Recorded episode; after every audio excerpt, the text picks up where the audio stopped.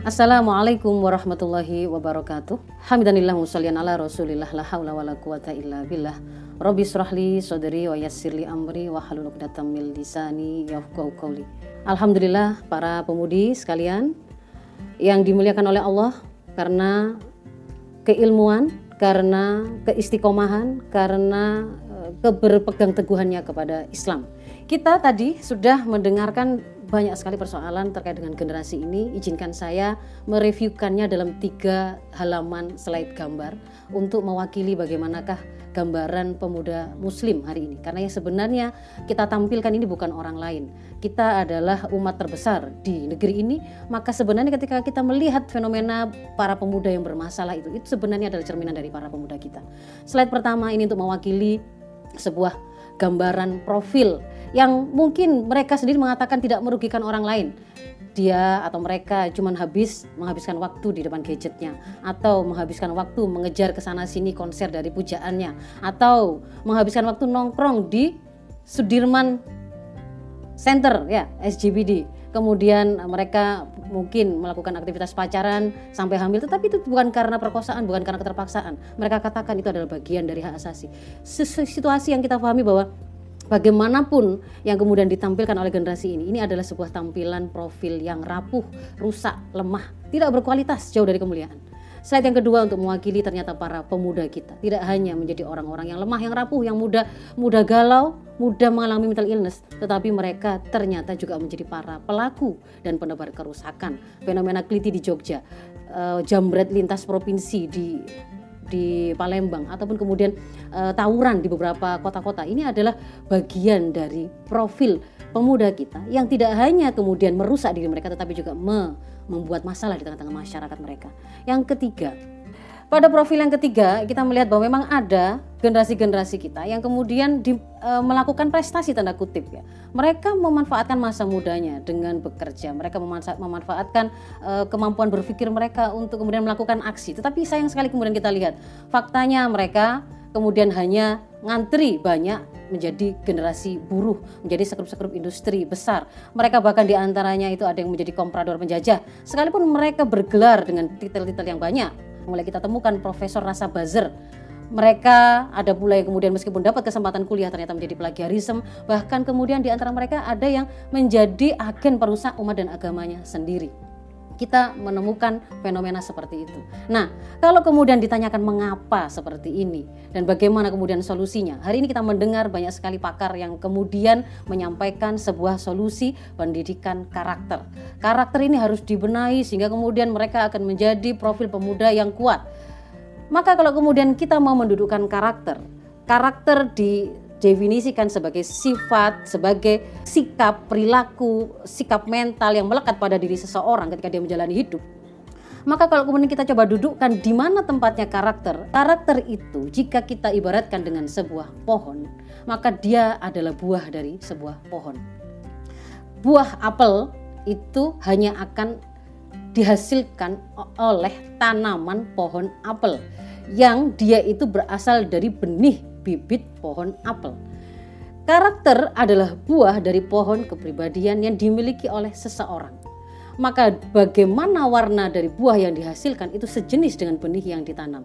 Kalau kita mengapresiasi dan menganggap keren profil atau karakter seseorang yang menghabiskan waktunya nongkrong di Jalan Sudirman, maka tentu akan berbeda dengan profil seorang yang dia menghabiskan 18 tahun waktunya untuk menghimpun satu juta hadis kemudian memerasnya hingga menjadi tujuh ribuan hadis yang sahih saja mengumpulkannya dari 80 ribu ulama yang meriwayatkan hadis.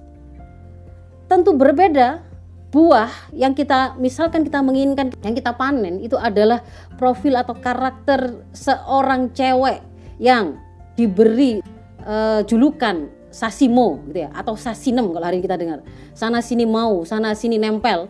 Tentu berbeda dengan profil seorang muslimah muda yang kemudian dia menghabiskan masa mudanya demikian juga dengan eh, hartanya untuk memikirkan bagaimana menghasilkan tegaknya satu perguruan tinggi pertama di dunia. Profil apa yang mau kita panen, buah apa yang mau kita panen, maka itu menentukan benih apa yang harus kita tanam. Kalau yang mau kita panen dan kemudian kita apresiasi itu adalah gaya berpakaian yang bolong-bolong di sana sini, berjalan di atas catwalk zebra cross dianggap sebagai sesuatu yang perlu diapresiasi dan di, dikembangkan, dibanyakkan profil generasi seperti itu, maka itu tentu berbeda dengan karakter seorang muslimah yang dia menjaga bagaimana uh, pakaiannya supaya senantiasa merupakan pakaian takwa dan menutup auratnya. Maka saya langsung beralih kepada bagi seorang muslim, bagi seorang pemuda muslim, karakter yang harusnya muncul dari dirinya itu adalah kumpulan sikap dan sifat-sifat yang memang diperintahkan oleh Islam untuk menghiasi dirinya. Dan itu adalah lahir dari benih Islam. Yang benih Islam itu kalau di dalam surat Ibrahim ayat 24 dikatakan itu adalah sebuah kalimah toyibah La ilaha illallah Muhammad Rasulullah yaitu tauhidullah atau akidah Islam yang darinya akan menghasilkan sebuah gambaran pohon akarnya kuat mendesak ke dalam bumi kokoh dan kemudian memunculkan pohon yang dia itu kokoh kuat dahannya menjulang ke atas hingga kemudian berbuah sepanjang musim. Mau dia anak tadi, pemudi tadi ada posisinya sebagai seorang pelajarkah ataukah sebagai seorang mahasiswi kuliahankah ataukah ketika kemudian nanti dia bekerjakah ketika benih tadi tetap tertanam dan menghasilkan pohon kepribadian Islam maka selama itu pula kita akan bisa melihat dan memanen buah-buah eh, karakter-karakter mulia, tangguh, menjaga ifahnya, lemah lembut pada tempatnya, khusyuk, tidak takut mati dan seterusnya.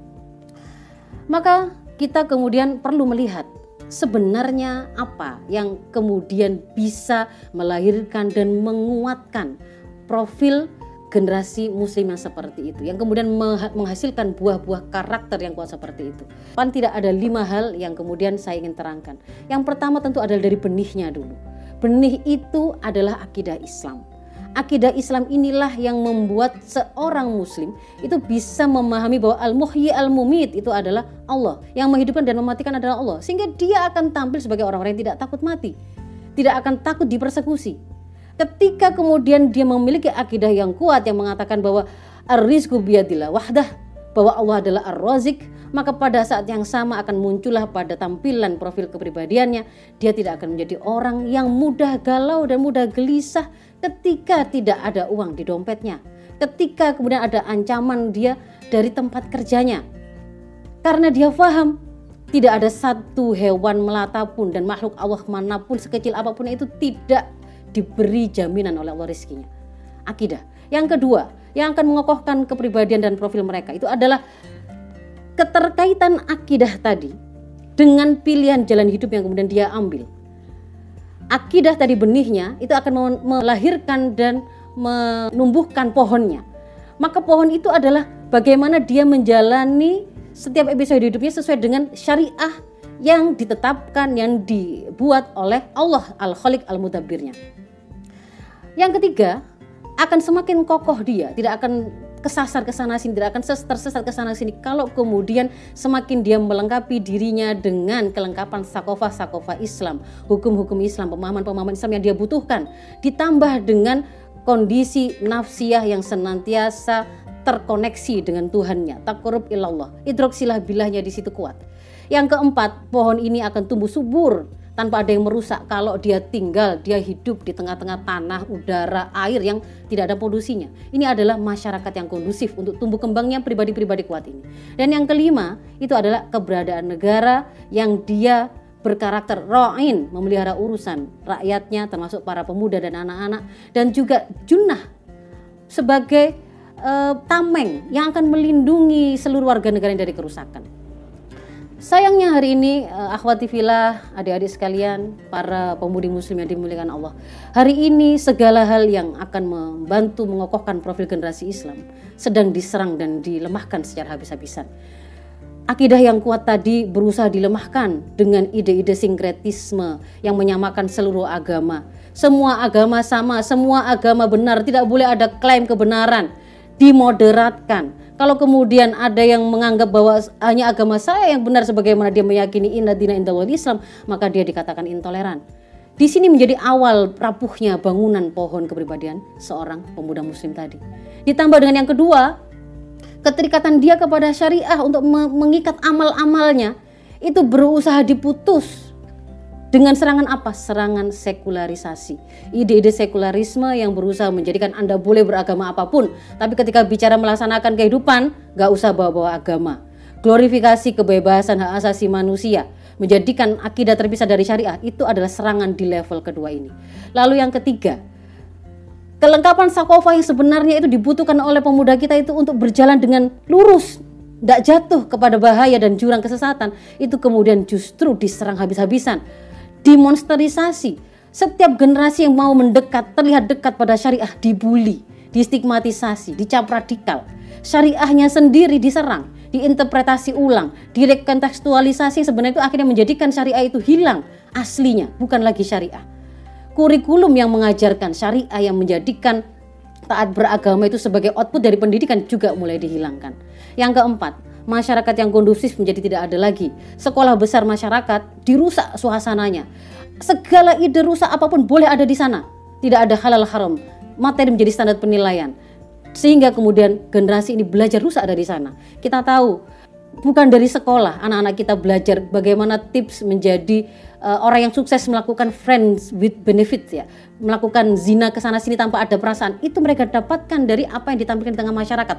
Di TikTok di konten-konten sosmed dan seterusnya. Yang kelima negara yang dia sebenarnya sangat dibutuhkan oleh umat ini oleh para pemuda untuk melindungi mereka me menghebatkan profil mereka yaitu negara khilafah penerap syariah kafah dimonsterisasi dikriminalisasi dan berusaha dijauhkan dari umat dan benar umat tidak cukup dengan itu, seluruh pihak pelaku pendidikan generasi yang punya tanggung jawab untuk melahirkan generasi ini diawali dari rumah, yaitu keluarga Muslim yang kuat, yang tangguh, lalu diikuti dengan pendidikan formal dengan uh, struktur kurikulum yang yang sesuai dengan pendidikan yang dilakukan oleh keluarga muslim tadi lalu diikuti dengan masyarakat sebagai tempat sekolah besar dari uh, para generasi kita hingga negara semuanya dibuat tidak berfungsi.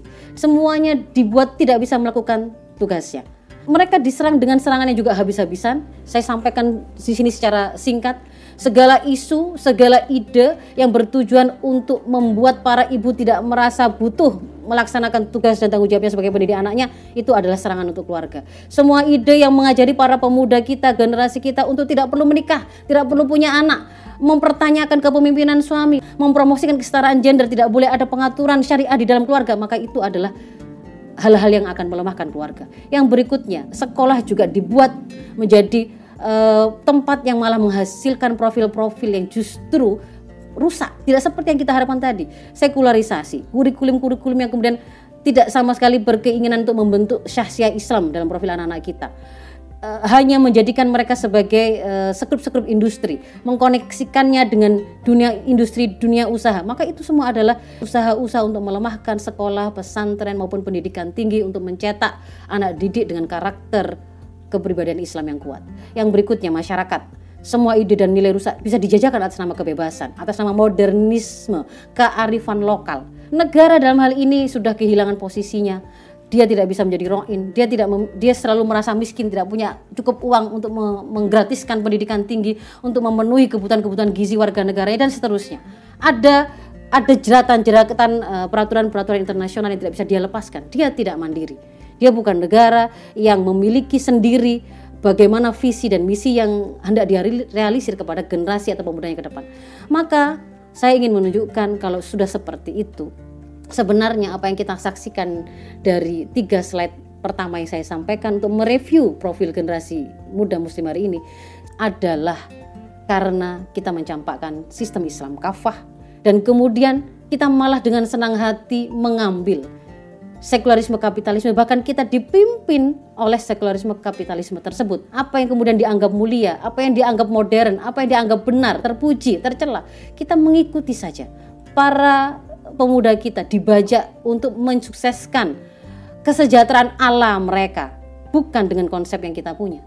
Sehingga kita meyakini kita paham tidak ada jalan lain. Terciptanya profil generasi muslim yang mulia dan tangguh membutuhkan penerapan Islam kafah membutuhkan berfungsinya seluruh pelaku pendidikan generasi secara harmonis, secara sinergis dan itu merupakan tugas kita untuk mewujudkannya. Assalamualaikum warahmatullahi wabarakatuh.